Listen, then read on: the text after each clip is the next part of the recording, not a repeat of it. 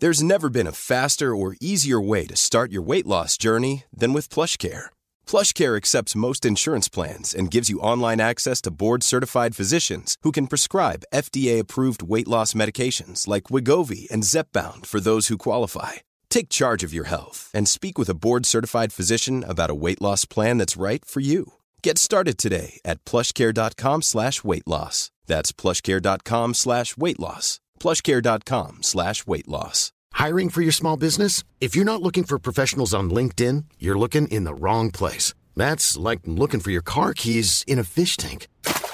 LinkedIn helps you hire professionals you can't find anywhere else, even those who aren't actively searching for a new job but might be open to the perfect role. In a given month, over 70% of LinkedIn users don't even visit other leading job sites. So start looking in the right place. With LinkedIn, you can hire professionals like a professional. Post your free job on linkedin.com slash people today.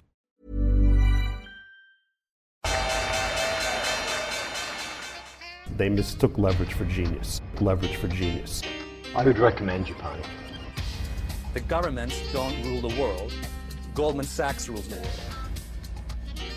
Velkommen til en litt annerledes episode av Tid er penger, episode nummer 73. Vi er midt inne i ei fullblods krise. Jeg er stuck ca. 2000 km unna Peter, og som du vil merke, så er lydkvaliteten litt annen enn eh, det som er vanlig. Vi må improvisere når det er spesielle tider. Så eh, i dag skal vi selvfølgelig snakke om kun om det som skjer i markedene, og de ekstrem, ekstreme situasjonen som alle er inne i nå.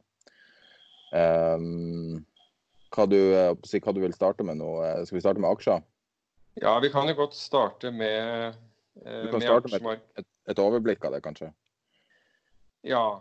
Altså, SMP-en er 30 ja, VIX altså de fleste, 84 Ja, de fleste markedene er Ja, vi så en absolutt all time high i, i VIX-en.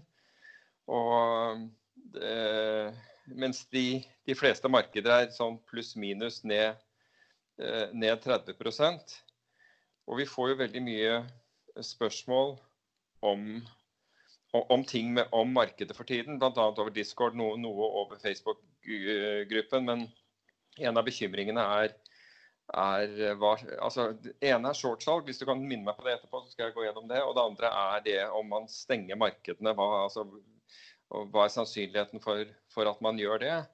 Det vi vet er jo foreløpig at man har midlertidig stengt markeder som følge av store bevegelser. Det, det har nesten, nesten, skjedd daglig. Uh, men da snakker vi om at det, det stenger i, i, en, i, en, relativt kort periode, og så åpner man igjen og, og ser hvordan det går. Ja. Men for at man skal altså for at man skal langsiktig stenge det, altså, og da refererer man gjerne til 9-11 eh, i USA, hvor markedet stengte. men det å stenge finansmarkedene Jeg vet at Mnuchin, altså finansministeren, klarte å skremme folk eh, for en tid tilbake med å si at de hadde, ikke, at de hadde vurdert det, men holdt markedene oppe. Ehm, det vil skape virkelig store problemer hvis de gjorde. Og hvorfor det? Jo, fordi man da vet ikke hva noe er verdt. Nei. Og veldig mange har finansiering. Slik at du kan da si at f.eks. For, for et finansforetak som har finansiert aksjene dine, så vil de da ikke vite hva disse er verdt, og kan da finne på å si vet du hva, vi vil ha, ha tilbake pengene våre. Og da har du ikke likviditeten til å gjøre det. Men apropos, hva ting er, apropos hva ting er verdt nå, da. Jeg tenker på Born er 92% og Axo, altså Axolution sin er 80% nå. Så ting ja. er jo allerede vesentlig mindre verdt. Boeingen er 70% sånn at, og cruisen er 80% Så verdsettelsen har jo, har jo, altså det er jo bare Alt er jo skudd for baugen nå. Så, så hvis det er nedstenging av markedet, vil jo, altså det vil jo være bare et helt episk end of the world-scenario, nesten. Ja, altså det, det, det, skaper jo da disse, disse problemene, ikke sant. Fordi de aller fleste vil jo da hvis, hvis f.eks. bankene kommer, kommer, til å si vet, vet du hva, dette er så usikkert, og når markedet er stengt, så da vi, vi vil ha tilbake pengene våre, så vil jo da de aller fleste ikke kunne reise de pengene, fordi, nettopp fordi de ikke får solgt aksjene.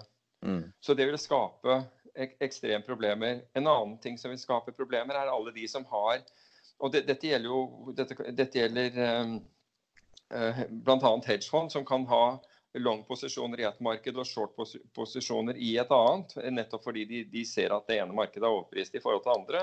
Plutselig så kan de ikke verdsette den ene siden av boken. Og de kan heller ikke stille den som Den vil ikke da bli oppfattet som fullgod sikkerhet for den andre. Fullgod er den aldri, men i hvert fall delvis sikkerhet. Slik at det vil skape problemer. Clearinghus som tillater det vi kaller cross-margining, altså hvor du kan gjøre det som jeg akkurat nevnte, vil få, få problemer. De som har finansiering i en annen valuta, vil få enorme problemer, fordi valutamarkedet kommer ikke til å, til å ikke stenge, kommer ikke til å stenge. Slik at du kan da risikere at du, du kan rett og slett ikke møte eh, likviditetsforpliktelsene dine. Så jeg tenker at det er veldig lite sannsynlig at skjer. Altså at man midlertidig stenger veldig, veldig kort. Det kan skje, og det har, har som sagt skjedd. Ja, alle har jo lært seg reglene for uh Eh, for limit down. Og for limit moves, ja. Ingen ja. reglene i inngangen på det her. Alle satt og googla det og fant de her sidene. Så det var langt Ja, men man må også huske på at det er forskjellige regler for forskjellige børser, og det er forskjellige regler også innen USA. Og dette lærte altså da, da Saddam Hussein styrker eh, rykket inn i Kuwait, så vet jeg et norsk, eh, et norsk meglerforetak som da hadde anbefalt kundene sine å, å gå, gå long i olje altså long i oljefutures. Og, så, og, og, og oljefutures gikk limit down. Og kundene ble rett og slett sittende fast mens oljeprisen falt og falt og falt. og falt. Men de kunne ha kommet seg ut. Problemet var at meglerhuset kunne ikke nok om dette markedet og visste ikke da at spot-kontrakten aldri har en limit. Altså den, den, kontrakten med nærmest forfall. Så hvis de hadde solgt den isteden, så hadde de klart å komme seg ut av den risikoen. Men isteden så visste ikke dette meglerhuset. De hadde anbefalt dette her uten å kunne dette markedet. Og kundene tapte helt enorme summer. Det ligner jo litt på det som skjer nå. fordi at Hvis du ser på f.eks. CNBC nå, så på dårlige dager så slutter de å quote Dow Jones, SMP og, og Nasdaq og, og begynner å, å quote DIA, SPY og QQQ. Og da vet du at det er dårlige dager. For da er det ETF-ene som ikke har limitbegrensninger. I hvert fall ekstremt høye limitbegrensninger hvis de har det. Ja, og, og, du kan si at de har limitbegrensninger, men de tre, de tre først inn når, når, børsen går limit uh, for en limit move. Og det skjer først i børsens åpningstider. Og, og, men det vi ser er jo at folk ser jo på denne future-kontrakten, SMP future-kontrakten, den som heter E-mini, den, den på en måte har alle øynene på. Uh, altså gjennom asiatisk tid, altså fra USA, eh, amerikanske aksjemarkedet stenger til det, til det, åpner igjen dagen etter, så ser alle på den, for den handler bortimot omtrent 24 timer i døgnet. Vi må nesten påpeke at vi tar det her opp midt på søndagen. Så ja. det er nå uh, Klokka er nå to, så det er klokka elleve i kveld den åpner, blir det vel. Det er korrekt. Og, og, det blir jo veldig, veldig stor interesse. Kan jeg også si én ting, bare som folk kanskje har fått med seg. At den eneste markedet man kan følge i helga, er IG Markets sitt eh, helgemarked. Og akkurat nå viser den at uh, indikert åpning til Dow Jones er ned 3 Så med tanke på hvordan det har vært de siste ukene, så er det en minibevegelse. så, så det har vært ja, relativt rolig, utrolig nok. Det er jo ingenting, men, men, poenget mitt med denne er at den, den future-kontrakten den har limit moves, mens SMP 500 ETF-en, som heter SPY, den handler slik at, men den handler ikke eh, eh, den, den, har, den har ikke 24-timersmarked. Jeg husker ikke når den begynner. I, den begynner ganske tidlig i europeisk tid, så du får en indikasjon. Ja, jeg, jeg, må innrømme at jeg alltid liksom blir litt sånn hoderystende når, eh, når du ser media rapportere klokken halv tre, som er da New York Stock Exchange åpner. Wall Street ned et eller annet, altså med, med, utropstegn som om det er en stor overraskelse. Mens vi har sett alle disse indika indikatorene på forhånd, altså ETF-ene og, og Men Det er derfor du må være i chatten på, uh, på Tid er penger i stedet for å sitte og se på nyhetssiden. altså Det som er sykt for meg, da, bare for å drive litt selvskryt av det vi har satt opp, eh, at jeg bruker discorden. altså Du finner den på Tid er penger Facebook-sida, og så finner du på tiderpenger.com så er den discorden, altså den, den chattesystemet vi har, er nå en av mine primære nyhetskilder. Fordi at alt mulig kommer opp der. Folk er så raske. Så det er alltid noen som hiver ut noe. Så det er utrolig bra kilde til informasjon. Alt, liksom alt fra eh, Vi har en lege som sitter konstant og kommenterer og, og faktasjekker alle tingene på den kanalen som heter koronavirus, og kommer med veldig detaljerte vurderinger. Jeg vet ikke om du vet det? Det er lege som sitter her. Jeg visste ikke at det var, var, en lege, men jeg vet at vi har bl.a. finansfolk som, som sitter i, i, i, Singapore Hongkong, New York og London. Som, Ja, eh, vi- som, Og Beijing. eh, Jeg fikk en student, det var noen som spurte hvordan det er i Beijing. og Han bare Det er helt fint, jeg sitter her. det er fullt kjør. Sånn. Det er 1900 stykker på den eh, chatten, og, og det begynner å dekke finansmarkedet ganske bra. Altså Kvaliteten er høy, og vi må ikke moderere noe som helst. og Det er rett og slett veldig, veldig voksen diskusjon, og folk på en måte følger, følger reglene. og, og, og eh, det bare fungerer veldig godt. Så, så det er en fin Jeg ting. også at- Jeg syns også at folk er innenfor det community som, som er der, er flinke til å, å hjelpe hverandre. For du ser jo at folk spør om, om en rekke ting. Og det er, det er fort noen på, på banen med, med, med, med, faktasvar. Ikke bare sånn synsing om et eller annet, men, men rene faktasvar, ofte med, henvisninger. Jeg gjorde en sjekk nå um, før vi starta, og bare gikk gjennom um, på den hjemmesida som heter Finnvis. De har en veldig fin screener. Og da kan du uh, uh, Da kan du screene på alle mulige ting i aksjemarkedet. Og da prøvde jeg å se eh, hvordan det hadde gått med de forskjellige størrelsene av selskaper. Da. Og da gikk jeg på megacaps, altså selskaper verdt over 200 milliarder dollar. Det er ingen som er opp for året. Og Amazon og Walmart er de to eneste som ikke har falt over 10% Ja, Ganske crazy.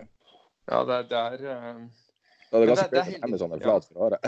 Men, men det, er, det er heldigvis noen ting som har gått opp. og, og bare for, Vi kan nevne de i samme slengen. og, og Det er en ETF-en over, eh, over Denne har vi både skrevet blogg om, men også omtalt tidligere. Den som heter TLT. Den har da amerikanske statsobligasjoner med, eh, med, med en eh, durasjon, altså en løpetid på, på 20 år eller, eller lenger. Den er opp nesten 18 i år. og hvis du hadde kjøpt den VIX-futuren, husker du hvor ofte vi anbefalte kjøp av Jeg skal ikke si anbefale, for det har vi ikke lov å gjøre, men, men vi påpekte at den var billig der nede mellom 10 og 12. April-futuren, altså mars har jo gått av, den var jo enda mer opp, men april-futuren som nå handler, den har steget 253% i verdi. Ja, og hvis du ikke liker å handle future, da. Hva sier du? Altså VXX også, som er Ja. da en ETF basert på det, den er jo ca. tredobla. Så eh, altså hvis du ikke kan handle future, så kan du jo fortsatt dra nytte av det her. Men nå skal jo sies at det her tok jo mange på senga, det som skjedde. Men de, det som er så rart, for vi har diskutert hvordan Altså, vi stifta kanalen på chatten. Det er en ganske god indikasjon om hvor lenge det har diskutert det blant, blant lytterne. Så den ble stifta i januar en gang, tror jeg. Jeg vet ikke om det finnes noe oversikt over hva, hvordan dato den ble stifta, men, men den har, har stått lenge på nå. Og, eh, og, spørs, eller, og, eh, og hele tida i starten så var det sånn Men det her ser jo ikke så ille ut, for cruiseaksjene er jo ikke så mye ned. For det første man tenker, er hvem i alle dager vil sette seg på et cruiseskip med noe sånt her. Mm. Også, ja, og flyaksjene er jo ikke så mye ned heller. Og da satt man jo med tidenes mulighet. Det var jo, altså Man snakker om, man snakker om eh, aksjeroboter eller algoritmer eller hva man skal si, om alt må være så lynrask. Men herregud, det her var en tregt bevegende katastrofe for den sektoren. Ja. Det virka jo så åpenbart da, og det var åpenbart. Men det var, altså, det var jo en, altså, det var jo en, en treghet i altså, det, det er jo litt grann som vann som nærmer seg et, et fossefall. ikke sant? Altså, det går jo ikke fort før helt, altså, du nærmer deg kanten, og da akselererer det noe, noe voldsomt. En fin illustrasjon. Og Sånn er veldig ofte eh, sånne markedsbevegelser. og Nettopp tregheten lurer folk til å tro at ja, men dette er ikke noe problem. Du ser jo, Det er jo ikke noe, noe særlig bevegelse på børsen. Greia er at når bevegelsen kommer, så, så, ikke sant, så er det som, som å trå på matpapir på, på, på, på is. Det er, det er ikke mye hold i det. Så, men eh, så, så har man da eh, kredittforsikring. Altså det er ikke så mange som har adgang til CDS-markedet i, i Norge. Selv om jeg har sett at eh, et av de kredittfondene som nå har, har problemer, faktisk snakker om at de bruker CDS. Det er opp, CDS-en, femårs-CDS-en er opp 226 Hvordan til USA? Hva sier du? Nei, nå snakker jeg om den europeiske. Akkurat. Og hvis du kjøpte, hvis du kjøpte en ETF på, på, på denne, så, så, så vil det være opp 21 eh, i år. Så Det er litt forskjell på å eie CDS-kontraktene, fordi du betaler der, der betaler du premien hele tiden. Mens når du, når du sitter på en, på en, ETF, så, så har du kjøpt, kjøpt ETF-en. Så det, det, er ingen som kommer og sier til deg at du hver, hvert kvartal at du må betale inn, betale inn, mer. og Derfor så får du forskjellig avkastning på, på, disse. Så det har vært ting der som, har, som, som faktisk har fungert. Du, du nevnte at gull. Altså gull er marginalt ned på, på, året, så det har i hvert fall ivaretatt pengene dine. Om ikke gitt den, den avkastningen som, som, man håpet på. Og, men gull nå om dagen er så volatilt. Altså når du, når du ser direkte inn på gullmarkedet, så er det så ekstremt volatilt med Altså På fredag, på et, fredag ettermiddag da, da, da, da gikk jeg håper å si, likviditeten opp. For da var, det, var det to kontrakter på, på, på hver, eh, på hver kurs nedover, mens det i løpet av uken har vært nede i én. og Det, altså det, er, det, er 100, det, er 100, unser, det er ingenting. Så det markedet er blitt ekstremt volatilt og, og vanskelig å manøvrere i. Og den uh, gullbutikken i Oslo som alle de her uh, mest ekstreme sverger til, altså den butikken som jeg mener er best, den er stengt pga. at hele staben er i karantene. så den som er nede på Karl Johan. Så det er jo det er ganske farlig å, å la de der safe Jeg håper de har store, sterke safer. Altså. For å si at, at, ingen er på jobb og det ligger masse gull der, det kan ikke være en god ting. Men uh, nei, det, det, er et ekstremt marked nå. Og, og, men når man snakker om råvarer, da, når vi først er inne på gull, så er det jo, det er jo ingenting som har truffet så hardt som oljen nå. Og det er jo kanskje ikke så mye pga. koronaviruset, men fytti helvete, det har vært et, det har vært et røff måned der. Ja, der har det vært, eh, har det vært røft. Altså, vi, vi, så jo en bevegelse på, på ned 25% og så opp mer, mer, enn det etterpå. Og var det på var det onsdag hvor vi var nede i 20 dollar fatet, og på fredag er vi oppe i 28 igjen, før vi, før vi faller ned til 23. Det blir sånn at du må, du må quote gull, nei, du må quote bevegelsene i dollarbevegelsen, fordi at du får sånne russiske prosenter på veien opp. Ja, det, det høres ikke så bra ut når det stiger, ja. så er det egentlig ikke så bra. men det er, det er, voldsomt. Men jeg ville jo sagt at frem til eh, altså Det var en periode på fredag tidlig på fredag kveld, sånn i 5-6-7-tiden. Da, da, da, var oljeprisen Da begynte den å ligne litt på gullprisen i fluktuasjoner. Det, det gikk, det gikk eh, en kvart dollar på, på, sekunder, rett og slett. Sånn frem og tilbake, opp og ned, opp og ned. Det er klart at Hadde du visst at den skulle hver gang den gikk opp at den skulle ned like mye, mye igjen, så kunne du solgt og kjøpt, solgt og kjøpt. Men det, du bare registrerer at her er det så volatilt at du, du tør ikke å, å, holde på. Og, og jeg, jeg, hadde allerede forut for dette kuttet, uh, kuttet uh, posisjonsstørrelse med, med, med, med 40% men nå i det siste så har jeg nesten handlet med en femtedel. Av, av, det jeg har gjort tidligere, rett og slett fordi volatiliteten er så stor. Og du får samme effekt om du handler med, med vesentlig mindre, mindre posisjoner enn en, en å ta sjansene på, på, på, på, store. Så i alle disse markedene så har jo, eh, har jo uh, sikkerhetskravene, både fra, altså fra clearinghus, børser, meglere, banker og alt som er, økt. Um, og det er det en grunn for. Og folk som sier at det er, det, altså nå får jeg bare handlet med altså Hvis du f.eks. handlet med 10 000 aksjer før, så kan jeg bare handle med 5000 eller 3000 eller hva det er for noe nå. Det er fornuftig i det, fordi svingningene er så store at, er, du, at, du, må ikke se deg blindt på kan på, på, på størrelsen. fordi sving, når svingningene er blitt så store som de er nå, så får man samme effekt ut av det med, med veldig mye mindre veldig mye mindre posisjoner. Og du må på en måte, Hvis du beholder posisjonene dine like store som du hadde før, og volatiliteten har doblet seg, da, da har du faktisk dobbelt så høy risiko Um, og Du tenker ikke på det, for posisjonen er, er, er, lik, men de facto har du, liksom, har du doblet risikoen din. Så, så, det er fornuftig å, å, å scale down altså den, de posisjonene du har. altså være, Ha mindre posisjoner, for du får samme, samme effekt ut av det. Når du ser på, på si, markedet som helhet nå, og med de erfaringene, så faren min eh, vi satt og så på, eh, på en sånn finanssending i går, og så sa han at det her minner meg ganske mye om altså Den følelsen minner mye om oljekrisa i 73-74. Eh, og, og, hvordan det var i samfunnet. Det var sånn enorme omveltninger over natta, og bare folk bare tilpassa seg. og Da er det plutselig ikke lov å kjøre bil i helgen, og rasjoneringskort og hele sulamitten. Eh, er det noen ting du assosierer med i forhold til sånn at du på en måte kan klamre deg fast i det? For at det alle lurer på når det er over. ikke sant? Det er jo nå. Nei, du, du, kan si at jeg, jeg assosierte det ikke med, med, det, men jeg husker da i, i 73 så, så, syklet jeg på E18. Og det var, altså, det var, ikke en bil, så jeg syklet midt på E18. Og, og liksom, Det var en sånn absurd følelse å gjøre det. Mens jeg i forrige uke kjørte til, eh, til Majorstua i Oslo, eh, sånn i 9-10-tiden, og, og, tenkte med en gang dette er Ghost Town. Det er så lite aktivitet nå at det, er, at det føles som, som en spøkelsesby. Ja. Det, er, det, er, ingen problem med parkeringer, for å si det på den måten.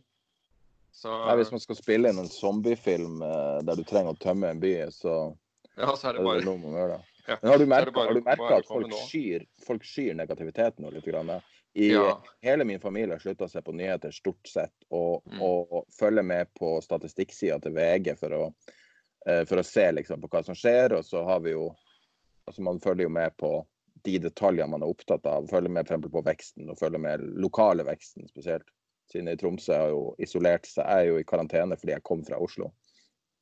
Og, eh, og er, her er det ekstremt strenge regler. Men altså, vi, vi, skal ikke snakke noe om koronavirus og covid-19, men uh, vi kan jo si at det kan jo se ut som det her begynner å nå en topp i forhold til panikk, kanskje. Ja, hvis du, er, hvis du, ikke er, i Italia, så er det kanskje mulig at du gjør det. Altså, du kan si panikkmeteret.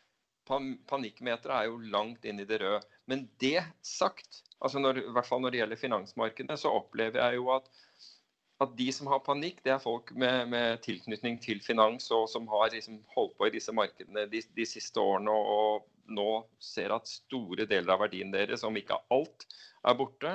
Mens mannen i gaten som henvender seg, altså den, du kan si som, De som kunne tenke seg å spare i aksjer, de tar kontakt altså Det er noen få av dem som tar kontakt og lurer på om dette, om dette går ordentlig, ordentlig, galt. Men de aller fleste lurer på om dette er bra nivåer å kjøpe på. Så det er en stor forskjell. Altså, men nå snakker vi om finanskrisa. finanskrisa en av DNB-sjefene fortalte meg en gang at i finanskrisa i desember i 2018 så var det den måneden i historien der DNB Markets fikk mest nye kunder. Wow. Så, men jeg kan si det er jo noen gode nyheter, da. Eh, det er lagt ut 20 biler i dag eh, til over en million på Finn. Deriblant en Ferrari 488 til 7,37 millioner. Ja. Eh, det er sikkert veldig, veldig lett å selge nå. Jeg kan tenke meg de budene der jeg kan, eller jeg får si på den måten, jeg kan ikke tenke meg at de budene på den bilen kommer til å være særlig aggressive. og Det er ikke som om du kommer til å stå sammen med ti andre og by i en, i en konkurranse. Det er jo blitt, uh, I chatten så er det jo blitt mange har det som hobby nå å følge med på dyre ting som kommer på Finn fordi at folk må selge. -huh. Det er jo ikke skadefro, men det er jo mer som en indikator på at at, uh, at, det smeller i alle retninger. For det her er jo i aller høyeste grad noe som treffer økonomien. Egentlig i større grad enn finansen. Jeg føler at finansen kan gjøre comeback uh, relativt fort. Og, og, egentlig økonomien, altså med unntak av uh, reiseliv. Da. Men det altså, føles altså, Finansmarkedene har, har et altså, Problemet er mangel på likviditet. og Det ser du fordi fordi alt, alt, selges ned. ikke sant? Altså det, når du bare ser på utvikling av amerikanske statsobligasjoner, som, som, som hvor, det, hvor, det, kjøpes helt vanvittig så lavt at tiåringen er nede i 0,4% for så bare noen dager etterpå så har, så har obligasjonen falt, og da avkastningen per definisjon steget, til 1,27 for to dager etterpå å være ned i 0,89 eller hva den er i, i øyeblikket. Det er enorme svingninger som følge av at folk har behov for likviditet. Og Det ser vi overalt, og det gjør jo at, at de som har penger, men, men som eh, Det vi diskuterte med, med, en megler her, her forleden dag, så sa jeg, at de som har penger, burde jo utnytte dette her. Hvem er det, da, sier han. Han, han fant ingen. Ja, til og med Petter Stordalen eh, som sitter der eh, uh, ikledd ei klokke til 2,5 millioner og sier at alt er så jævlig. Altså når han, som er, man skulle tro var en utrolig likvid person, når han må på en måte gå ut og be, og, og de snakker, konsernsjefen i Choice sier vi holder ikke ut lenger enn november. Altså, det er jo helt syke tilstander. Og det kan godt vare til november der. De sa jo det i avisa. Ja, så Problemet her er jo at, at vi har jo Én ting er dessverre sikkert, og det er at vi har ikke sett den fulle effekten på, på økonomien. Tvert imot. Den blir hver eneste dag dårligere. Altså, det er jo det er USA nå. Nå kommer USA. Så i New York er det vel 10 000 smitta, noe sånt helt syke tall. Jeg vet mm. ikke akkurat hva tallene er i USA, men det er veldig store tall, for nå har de første gang begynt å teste. Så Men jeg tenker at når det gjelder økonomien, så er det to ting vi, vi, må, vi må tenke på. Det ene er at myndighetene må ikke sette insentiver som gjør at, at, at, du er insentivert til å bare stenge ned bedriften din. Altså nå, nå selvfølgelig man, Medisinske grunner og, og, og, den, og, den, biten der må, må, må, tale tungt. Men det må ikke være insentiver som gjør at, at man, man, stanser prosjekter og, stanser virksomheten fordi, fordi staten skal overta. For hvis vi gjør det, så vil det ta så lang tid å få maskineri i gang igjen etterpå. at det er jeg, jeg, hørte nå om folk som, som, har til og med søkt til departementet hvor det har vært pålegg om, om forskjellige endringer osv. for å få utsatt disse utsatt prosjekter som, som, pågående prosjekter. Altså Hvis slike prosjekter kan drives um, uh, desentralisert, med andre ord at man ikke trenger å sitte i uh, i, i samme lokaler og, og med, med, med, smittefare, så må man gjøre alt man kan for å holde dette, for å opprettholde aktivitet. For ellers så blir det så ufattelig lang tid før økonomien kommer tilbake igjen på, på, på, på fote. Så de insentivordningene der må man virkelig tenke, tenke seg om. Og så er det andre med økonomiene, og som på en måte knyttes til det jeg akkurat har sagt, det er at økonomi er relativt det er et absolutt økonomi, men det er også en relativ økonomi. Og det som, altså, Poenget for Norge må være å fatte tiltak. Vi kan ikke fatte tiltak som gjør at vi ikke får en økonomisk nedtur, men vi bør fatte tiltak og beslutninger som, at, som er smartere enn de rundt oss, slik at vi relativt sett gjør det bedre. For at the end of the day så, så snakker vi om internasjonal kjøpekraft. Vi handler med, med, med alle mulige andre land. Og hvis vi kommer Altså Hvis vi klarer å fatte litt bedre beslutninger, litt bedre valg enn en, en de rundt oss, så kan vi som nasjon økonomisk komme styrket ut av dette. Og Det er, det er veldig viktig hvordan, hvordan, dette ses på, og, hvordan, og, og spesielt, bare for å gå tilbake til det, hvordan disse insentivordningene at de er virkelig gjennomtenkt nå. Vi må ikke bare skjøtte ting ned, altså stenge alt, slå av lyset og si OK, får, nå, nå, får vi en eller annen form for, for eh, betalt, uh, betalt, isolasjon av staten. Ferdig med det. Da, da går det oss virkelig ille, etter min oppfatning. Men jeg synes jo, altså, for å si noe positivt, så syns jeg jo at uh, handlekrafta til regjeringa har vært enestående. Ja, jeg har, ingen, jeg, jeg har, ingenting imot den. Og det, og det, var ikke ment som, var ikke ment som kritikk. Men jeg har bare sett litt av det som skjer i næringslivet. Hørt om, om hvordan bedrifter og også organisasjoner har, har reagert. Og jeg blir engstelig jeg, med, med, tanke på økonomien når man nærmest bruker noen av disse her som i anførselstegn påskudd for å, å forsinke eh, eh, prosesser som allerede er i gang. Som kanskje var upopulære eller, eller på annen måte ikke var, var det, det du egentlig ville å bruke da denne som en igjen i anførselstegn, unnskyldning for, for, å, for, å, forsinke ting. For hvis vi gjør det, hvis vi gjør det på bred basis, så tar det så uendelig lang tid å få dette opp, opp og stå i gang igjen. Og ikke bare det, men det vil også koste vesentlig mer enn når vi gjør det. Fordi mye av det arbeidet som allerede er lagt ned, vil kanskje da ikke kunne brukes om igjen i fremtiden. Så, så vi, får, vi, får, egentlig, om ikke doblet kostnadene, vi får vesentlig høyere kostnader. Og det er ikke en bra fremtidsutsikt, det, det heller. Så, men jeg, jeg syns også syns også at man viser, øh, viser handlekraft og, og, og mindre, uh, mindre sånn partipolitisk bickering. Hva heter det? Altså, hva sier du? Ja, veldig lite av krangling. Altså bare småkrangling og posisjonering og politisering og alt mulig. Det er imponerende, syns jeg. Ja. Og eh, de har eh, i, altså, Hvis du da- fortsetter med det argumentet i forhold til at man trenger bare å gjøre det bedre enn, de, enn det andre altså, De sier jo at måten å overleve et bjørneangrep er å springe raskere enn de andre duellene, men du trenger ikke å springe raskere enn bjørnen. Nei, det nettopp. Raskere enn de andre, og det er jo på en måte det du sier. Ja, det er egentlig det, det, det jeg sier. At man ikke glemmer at dette her, at vi lever i en, en globalisert verden. Og Så sånn sett, en Sverige er jo, har jo hatt en veldig spesiell reaksjon på denne krisa, og skibakkene i kveld, i dag i Sverige, er full. Ja. Det, Ja, jeg, jeg så et eller annet bilde fra et eller annet afterski-sted eh, som jeg mener var nå fra, fra helgen. og de, de tar noe annerledes på det. De, de har liksom den, den britiske modellen, og, og vi ser jo akkurat hvor, den, hvor, hvor langt det, den, den virket.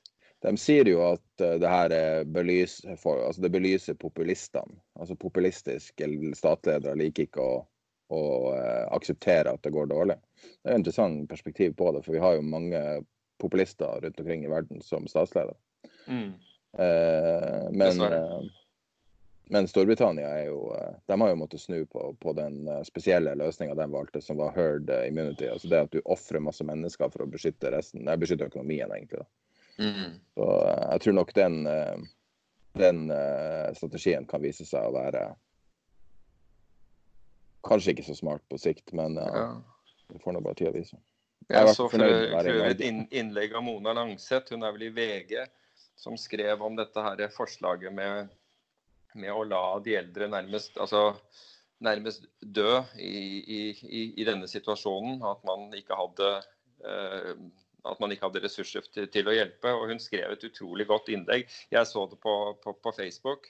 Eh, om, om liksom Tenk litt på, på hva dette her betyr, og tenk på altså, den situasjonen som, eh, som eh, disse befinner seg i nå. Med, med, med kun med Altså uten familie rundt seg. Altså hvis de er, hvis de er Altså, jeg kan eh, fortelle deg akkurat hvordan det er. Jeg har to familiemedlemmer på sykehus nå, og, eh, og det å, å ikke kunne besøke, eller veldig veldig begrensa besøk, er et enormt problem. Ja. Eh, og når du ser det her Jeg har ikke sett faktisk den filmen, det var noen som hadde filma inne på et sykehus, men du så hvor jævlig det var. så Du klarte ikke å se på det inne på et italiensk sykehus. Og de sa eh, altså Ja, helt altså, ja, jeg tror jeg vet eh, hvilket klipp du, du sikter til der. det er hjerteskjærende bare å se det. Så. Ja, og Jeg du kan tenke kanskje, deg eh, jeg tror vi kanskje går videre, for det er så mye koronavirus overalt. Så jeg, jeg vil på en måte ikke være med og bidra til mer koronavirus, fordi at det er det det er, og vi lever i den verden. Nei, altså Poenget hennes var i hvert fall 'vis compassion'. Og, og hvis man har lyst til å lese hva hun skrev, så, så, så, så finner man jo helt sikkert det, det Men, selv. Uh, uh, det som har skjedd i, i finans som har vært eh, Kanskje driver, kan, altså litt avhengig av om det er halen eller hunden, men altså eh, den enorme volatiliteten som har vært i treasuries, amerikanske statsobligasjoner. Og vi Mm. har nådd nivåer på godt under eh, en halv prosent og, på tiåringen. Nettopp. det er Men å bare se tiåringen gå da fra under en halv prosent til, til en og en kvart prosent, og så ned? Det, er, det er svingninger, altså. Det er virkelig svingninger. Så Men hvis vi skal gå til fra, fra den type obligasjoner til, til neste type, altså kredittobligasjoner, der har man jo bortimot stengt markedene. Ja. Du nevnte innledningsvis at øhm, at high yield i eh, ETF-en i USA, den er, den er da og JNK. ja, eller jeg bruker egentlig HYG som Jeg syns den er bedre, mer likvid, men den er ned 20 Men ikke bare det, men investment grade. Investment grade, som, som er på en måte de sikreste av bedriftsobligasjoner. De, de store selskapene som, som utsteder. Investment grade er ned 16% så det at vi ser a, a, a, i Norge at eh, kredittobligasjonsmarkedet, som da ikke er i nærheten så transparent som i USA, hvor man også har marketmakere, og det har man for øvrig også i Europa, men det finnes ikke i Norge, at det markedet har, eh, skaper, nå skaper problemer, det, det, det kommer ikke som noen, eh, som noen overraskelse. Og her går vi tilbake til, og min kjepphest er at man skulle disse, at man skulle sett kjøper- og selgerkurser på, på en skjerm. Slik at du kunne i hvert fall starte en, en auksjon. For nå er det fond som har måttet stenge for innløsninger fordi det ikke finnes De klarer ikke å finne et marked i disse obligasjonene. Men i det øyeblikket det ikke finnes, men hvis du hadde hatt dette på skjerm, så er jeg helt sikker på at hadde en eller annen auksjonsprosess hadde begynt. Noen hadde begynt å stille opp med noen priser der for å se hva Og, og så hadde du fått en viss grad av konkurranse.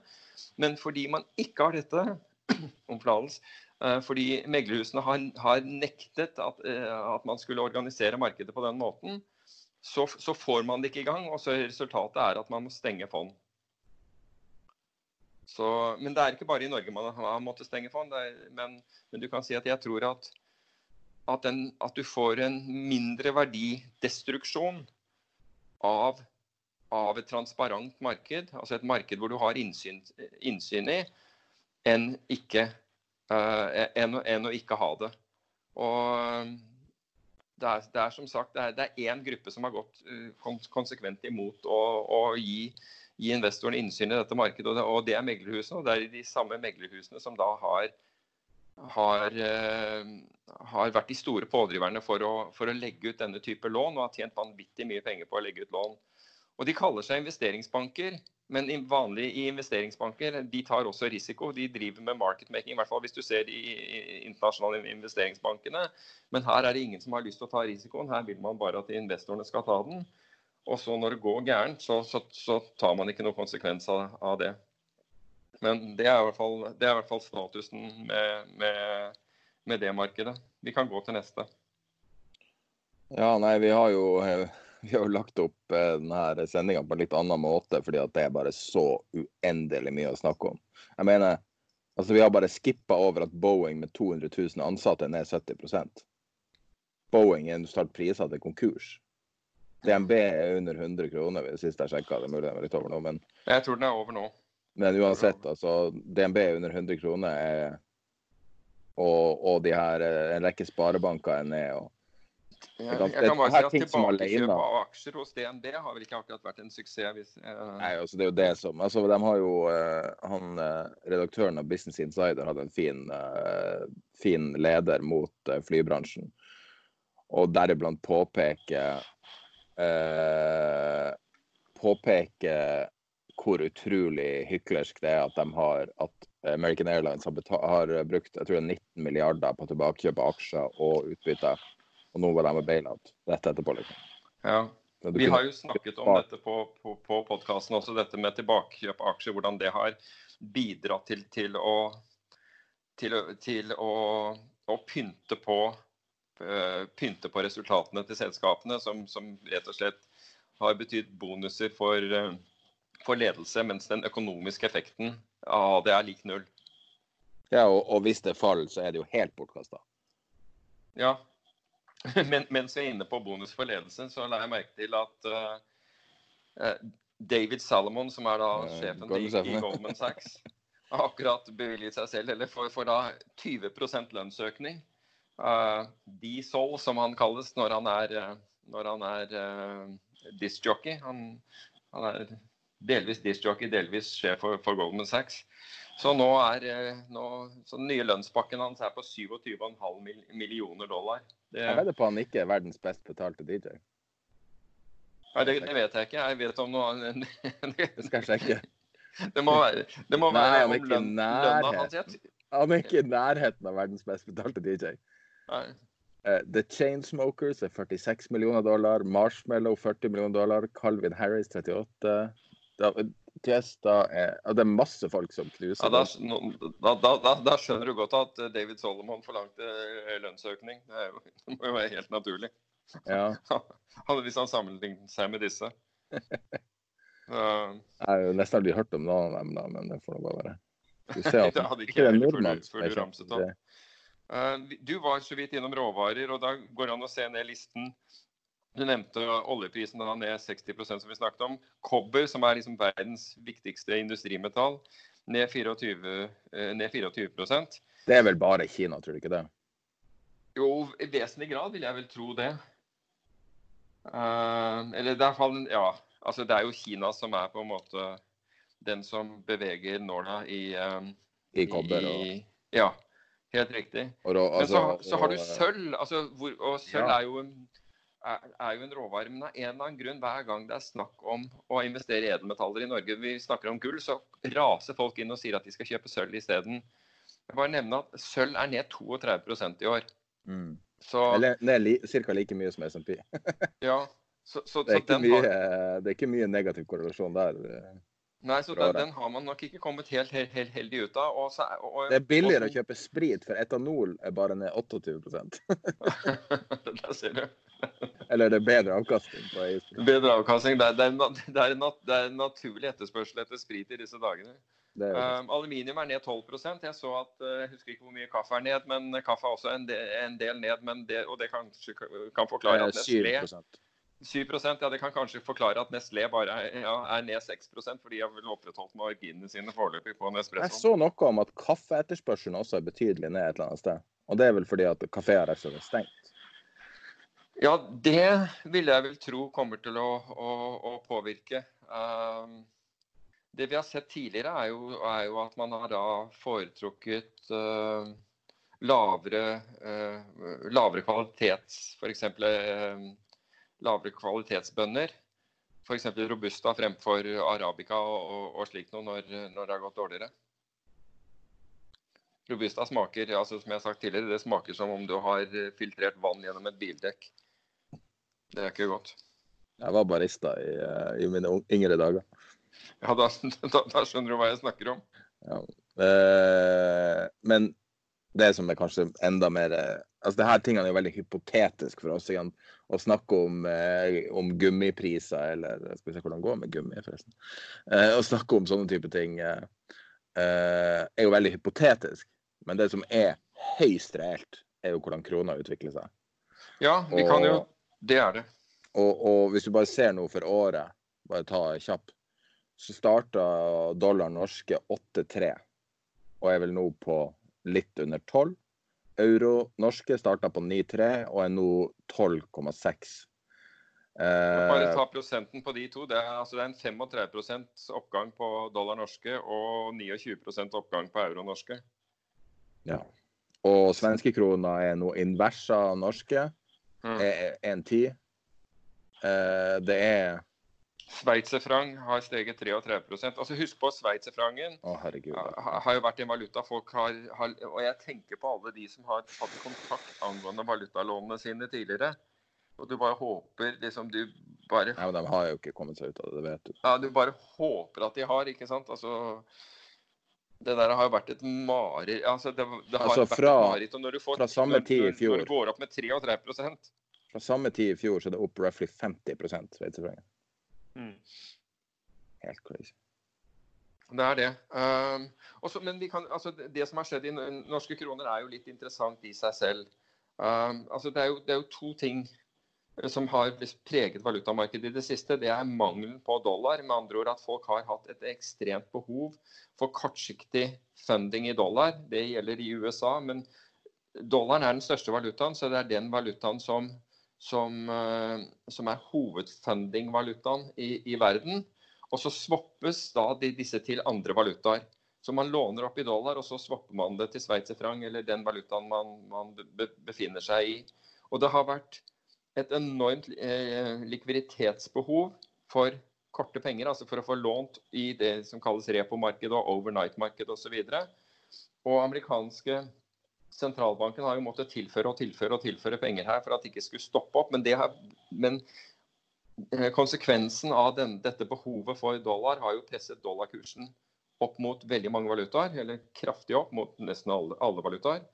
Um, så man har hatt det presset. Og så har da, for norske kroners del, så har den da svekket seg i i, i å si ikke i takt, men, eh, men i hvert fall som, som følge av en, en fallende oljepris. Det vi ser er at det er, det er en større samvariasjon, også kalt korrelasjon, mellom, mellom oljeprisen og Altså mellom en fallende oljepris og en, en fallende krone, enn en stigende oljepris og en stigende krone. Altså så Mm. Den virker mer til nedsiden enn den virker til, til oppsiden.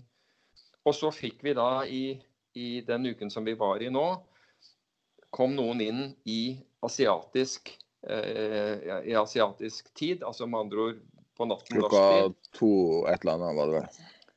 og kjørte da eh, og, og solgte kroner. Um, og, og vi er blitt da spurt om både om det og om dette med intervensjoner fra, fra, fra Norges Bank. Altså Den situasjonen vi er i nå, at noen forsøkte å utnytte det, det det er, typisk. og Vi har sett dette skje mange ganger i historien. så har vi sett, sett dette skje mange ganger tidligere, Nemlig at man bruker Hvis man skal spekulere mot kronen, så bruker man asiatisk tid, hvor markedet er veldig tynt for kroner, til å, til å gjøre det. fordi da får du maksimal effekt. Så det vi kan da tenke oss, det er at én, det er høyst sannsynlig spekulanter som står bak. Jeg tviler sterkt på at det er veldig mye banker som, som, som kjører dette her, sånn som det har vært, vært, før i tiden. For bankene har ikke den risikokapasiteten. Og banker må også passe seg for regulerende myndigheter. Så det forteller meg at det, det, at det er non-banks som driver med dette, den spekulasjonen. Og det vil også fortelle meg at de høyst sannsynlig ikke har dype lommer.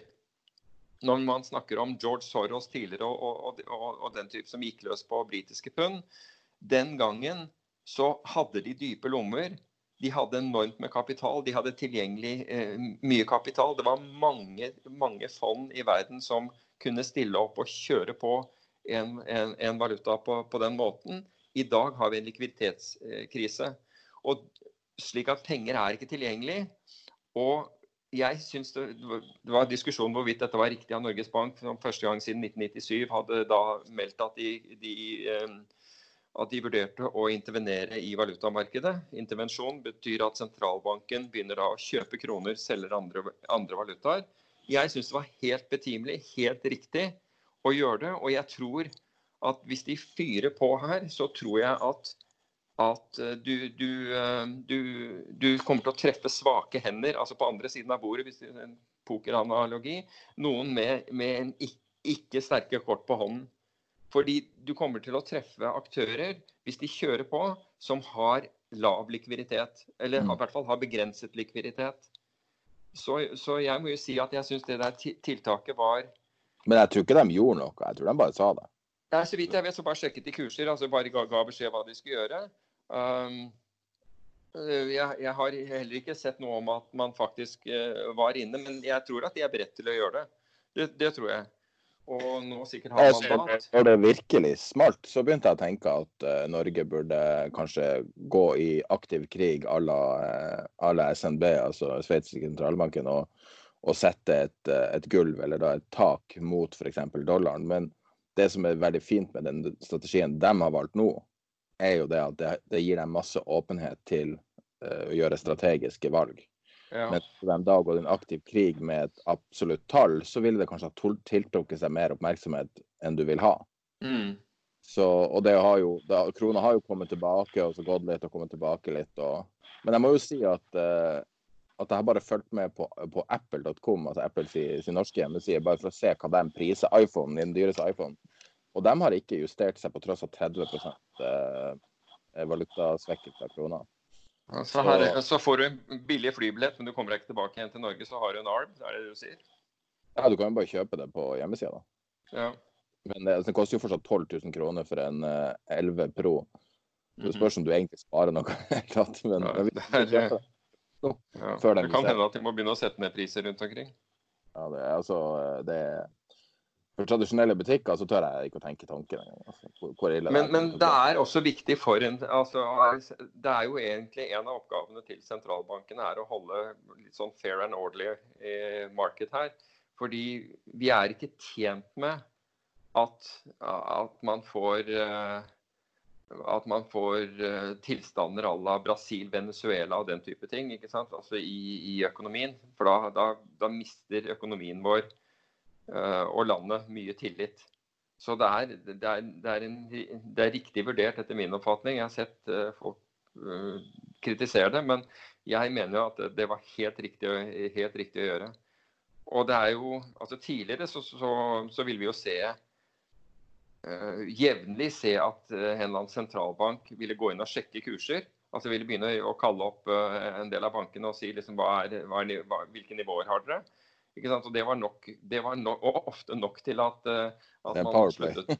Ja, at man, da, da, skjønte du at nå, nå kunne noe fælt skje, så her, her, bør vi, her, bør vi, begynne å bakke av. Så har du de trendfølgende fondene, og noen har valgt å gi de skylden for alt dette her. Men jeg, altså de trendfølgende fondene har vært short kroner i lang tid nå.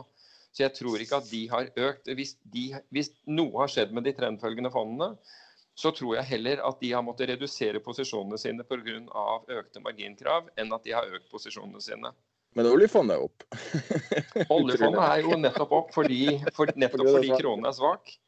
Var, så der kan du si at, eh, at oljefondet har, så, i, i, så måte har jo eh, har nesten bedre resultater enn eh, Ja, det, det, altså oljefondet når du sier det, oljefondet hadde på det altså Når jeg, når jeg regnet på det og puttet det på var det Discord eller på, på Facebook-gruppen, da hadde de samme utvikling som, som gjennomsnittet av hedgefond. For hedgefond var faktisk litt bedre, for da mener jeg at, at oljefondet var ned ca. 8% og gjennomsnittshedgefondet i år er ned, er ned 9 Altså Oljefondet er 10 300 milliarder. Jeg tror ikke det er noe som helst. Jeg har ikke fulgt det fra dag til dag, men jeg tror ikke den er, altså. Fordi at uh, pga. krona. Men i dollar derimot jo, jo, det er litt ned. Det er litt ned fordi uh, jeg mener at det var noe sånt som 11, men, så det er litt ned. Men du kan si at det har blitt vesentlig dempet som følge av, av, at man holder at man kjøper verdipapir i, loka, i, i de lokale valutaene, ikke hedger det, og at de har en obligasjonsportefølje som også har steget kraftig i verdi. Ja. Men det, det, obligasjonsporteføljen utgjør jo kun 30 uh, um, men, Så det er ja. vesentlig. Jesus.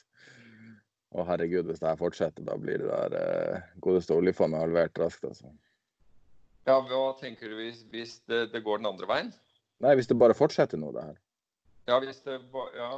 Så, altså, ja, man, det, er, det, er, klart at med 70 av Jo, men altså, man har klart seg til nå, så du, du kan si at uh, at, ja, det er helt, jeg tror de bra det har gått. Hva sier så, du? Helt utrolig hvor bra det har gått. Men hvis du måler det i dollar, så er det jo liksom altså da er eh, Fra 2009 til nå så er jo oppturen langt mindre imponerende målt i dollar. da. Mm. Krona har halvert seg omtrent siden da. Så. Ja.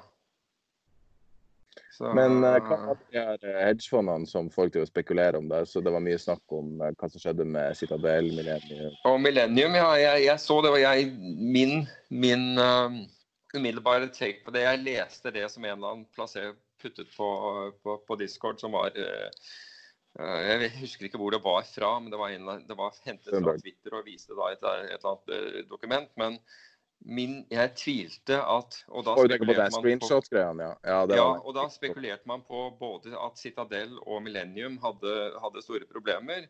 Men Millennium er så rigorøs når det gjelder sin eh, risikotaking, og Citadel er veldig diversifisert. Så jeg, så, mens, altså Citadel kan absolutt svinge i verdi, men jeg ville tvile på det når det gjaldt Millennium. Og det viste seg at det var, eh, det var riktig. Altså, de har stengt flere av, av um, Altså Millennium består Jeg husker ikke hvor, hvor, mange var det jeg sa sist de hadde. Var det, det, var over 200 tradinggrupper.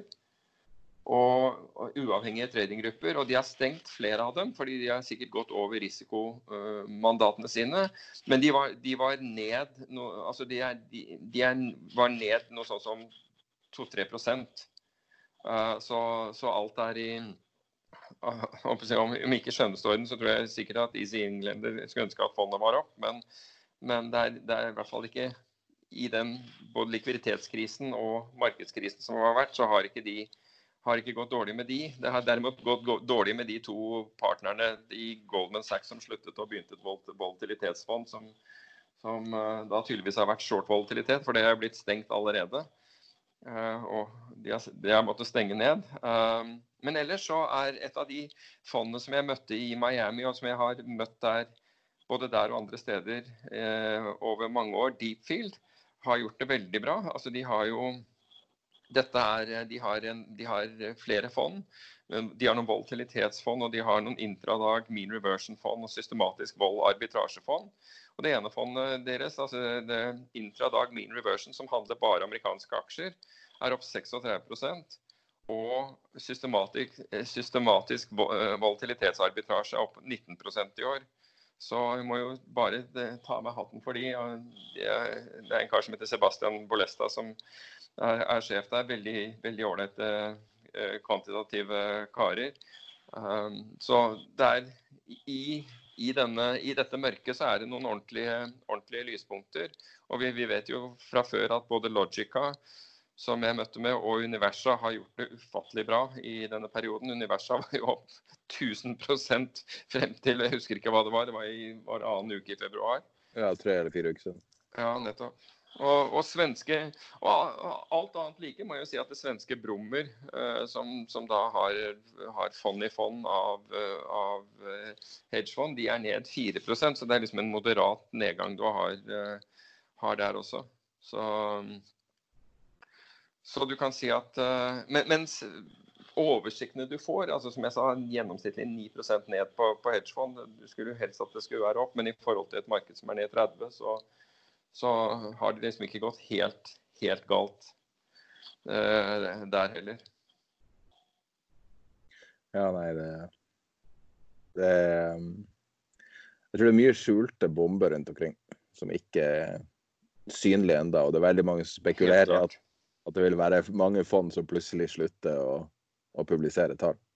Ja, det vil du, det vil du nok eh, Det vil man nok, nok, nok, nok, se her. Så har jo kryptomarkedet altså det er jo det er jo... Bitcoin er ned, liksom? Så... Ja, altså det er, det er, bitcoin er ned, men der har du hatt altså I kryptomarkedet Jeg snakket med, med et, et arbitrasjefond i, innen krypto, og de er for øvrig opp på året. Så, så det, var, de, det var ikke sånn skulle prøve å unnskylde en, en, en, en, dårlig, dårlig, avkastning. Men de sa det er store Fordi du ikke har sentralisert clearing, så er, så er, de veldig, så er, så er de veldig store strukturelle vansker i det markedet.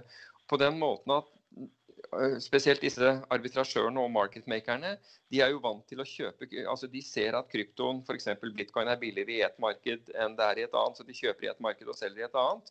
Men fordi det fins ikke cross-margining, med andre ord, du får ikke, du får ikke eh, Den du kjøper, kan du ikke bruke som sikkerhet for den du, den du har solgt. Så får de enorme kapitalkrav. Og det gjør at det markedet har vært veldig lite effektivt for arbitrasjørene, de, eh, som han jeg snakket med sa, at vi ser så utrolig mange muligheter, men vi har ikke, de har ikke kapital. Og vi får ikke kapital i, i, i, den situasjonen eh, verden er i nå, til at vi kan utnytte dem. For Mange vil jo tro at det er margin calls på hele linja, og så ryker alt mulig. Der, derfor gull, derfor sølv og alt mulig. At det er margin calls for andre ting som drar eh, alt ned. Ja, altså delvis er det det, for folk trenger likviditet. Så det er, jo, det er jo ikke uriktig, det. Men du kan si at markedene hadde, vært, hadde, nok vært mye mer stabile dersom, dersom man hadde cross margining sånn som det der. Altså at markedet er ikke kommet så langt. Det sagt så har vi nær rekordvolumer i kryptomarkedet nå. Nå er vi nær det, det som man har hatt av absolutt rekordvolumer. Så det er tydelig at noen driver og tar tak i, tak i det nå i det siste. og Du ser kursene har kommet opp igjen, men men de har også volumene. Så det, er, det, er, det fins bra med aktivitet i, eh, i, de markedene. Ja, og så da eh, kan vi eh, Du skjønner jeg må lage litt søndagsmiddag her nå. Vi skal feire avslutning på karantene. så, eh, hva, hva, hva, spiser man når man feirer karanteneavslutning? Nei, det er noe sånn skinke Nei, hva heter det? Du vet du setter en standard her nå? Svineindrefilet eller et eller annet sånt. Svine indrefilet. Da, ja. da, da, det var, det var da, får Norge beskjed om det. Det var det det, var det, gikk. Eh, nei, så går det bra på andre områder nå etter ei uhyre tung uke. Så um, uh, Men kan du kanskje avslutte litt med din perspektiv for eh, la oss si, de neste to ukene? Hva du forventer å se? Nei, jeg forventer at denne, denne volatiliteten vil, vil fortsette, og behovet for likviditet må du også regne med vil fortsette. Uh, rett og slett fordi vi har ikke worked out dette ut av systemet. Du ser eksempelvis da, fond som ikke har fått solgt ikke sant, for folk, fordi markedene ikke fungerer. Så du har på en måte et overheng av ting som skjer. Det skaper muligheter, men den eneste sjansen du har for å utnytte de mulighetene, er at du er, at du er likvid. Så, så, jeg tror man kan forvente altså fortsatt store svingninger her. Um, igjen så vil jeg, jo, vil jeg, jo, si at har man en langsiktig spareplan, for all del altså kan man bare fortsette å sitte med den. Fordi du kan ikke skremmes eh, altså Hvis du har en langsiktig plan om å kjøpe aksjer f.eks. hver måned, hvert kvartal eller når det er Hvis du begynner å trekke deg ut når det er billig, så, så, ender du kun med å kjøpe når det er dyrt. Og det er det er på engelsk counterintuitivt. På, på den annen side, så, så, som jeg også har sagt, altså, har du for mye risiko og er helt, helt nede på beinet, du, du, tåler ingenting mer, ja, da må du bare rett og slett forholde deg til det. Til det og så får du skrive smerten på kontoen for, for, for voksenopplæring. Sånn er det bare. ikke sant? Altså Når er, er grensen nådd, så er den dessverre nådd. Det som var litt sånn urovekkende, men jeg, men jeg, har ingen grunn til å vite om dette. her. Jeg regner med at, at, altså at myndighetene også er, eh, er, opptatt av dette. Det er den der påstanden om at, at, gode kunder blir, altså får ikke margin calls på samme måten som hvis du ikke er en av de, liksom, de som gir mest mulig kurtasje. Altså det, det, det, altså hvis det finnes en sånn ubalanse at at vi, vi, vi tar de, si, de, de, kundene som ikke har gitt oss mye, mye kurtasje, og, og, lar de andre og på en måte bærer de andre. Jeg vet at det har skjedd tidligere, men jeg har oppfattet at, at Finanstilsynet med at de eh, signaliserte ø, økt overvåkning overfor eh, finansforetakene og, kapitalen deres, antageligvis ja, Du skal aldri si antageligvis når det gjelder dem, men men følge med på slik at, at, at kundene blir behandlet likt rundt, rundt omkring. Det, det, får man jo virkelig ha tillit til. Ellers så er det jo kommet en helt ny, ny altså Vi hadde jo TARP osv. Har du hørt PEP? Nei. Den er på 750 milliarder euro. Pandemic Emergency Package Program. Er det fra ECB, eller? Ja, det er ECB sin. Ja, og så kommer jo eh, USA med en trillion dollar. ikke altså, Ja, og så har de Bank England med sine 200 milliarder QE osv. Så, og så, videre. så, Nei, så det er jo mye som, mye som skjer, men, eh, men ja, altså jeg, er, jeg, er, ikke noe tilhenger av QE i dette. her. Jeg er tilhenger av at man går inn i økonomien og, og, og, verner om, om uh, om, om ja, styr, styrke rett og slett eh, bedriftene og ivaretar arbeidsplasser. Og, og, bryr seg mye mindre om, eh, om kapitalmarkedene. Kapitalmarkedene må fungere, men igjen, det må være kritisk infrastruktur eller ting som eller bedrifter som man har tro på skal overleve, som, som, får, eh, som får, kapitalen. Ikke de som har spekulert over evne og som, eh, og, og, og, si, og som ikke har noen annen, annen nytte utover eh, annen samfunnsnytte. Da, altså, man, her, her, det er jo Uansett hva vi gjør, så, så, er, så, så er, det begrenset med, med, kapital som kan brukes til dette. her, og Det er derfor nødvendig at den, den, den brukes fornuftig. Og så så jeg et eller annet sted at obligasjonseiere og og aksjeeiere skulle behandles likt i en eller annen sammenheng. Og det er jo også helt galt. Obligasjon, altså obligasjonseiere, ofte pensjonskasser og sånn, som med vilje har, har, valgt obligasjoner fordi de skal være sikrere enn aksjer i kapitalstrukturen. Hvis, hvis, skulle, hvis de skal rammes like mye som, som den, den, mest usikre delen av, av, kapitalstrukturen, så er det noe galt. Da, da, da sender vi et, det, konsekvensen av det vil være at obligasjonsmarkedet ikke kommer til å fungere for fremtiden. Da kan du glemme obligasjonsmarkedet, fordi da er det ikke noe vits i, hvis du bærer samme risiko som eh, der, som de som sitter på aksjer, så er det ingen grunn til å investere i obligasjoner for fremtiden. Og da vil det si at, at banker, eller banker, bedrifter, ikke kan få, ikke kan få lån. Fra, fra, fra kapitalmarkedene. Og, og det vil være en grå bommert. Da eh, tror jeg vi egentlig avslutter der. Det er en eh, fin avrunding. Og så eh, anbefaler jeg alle å eh, gå på eh, Facebook-sida bare søke 'Tid er penger' på Facebook. Som regel øverst på den sida så vil du også finne en henvisning til Discord, eh, som er et chatteprogram der du kan chatte med de andre lyttere av podkasten og Peter Warren. Og, og Eh, du kan også gå på tiderpenger.com. Så eh, da ses vi om to uker. Ha det bra, Peter. Ha det bra.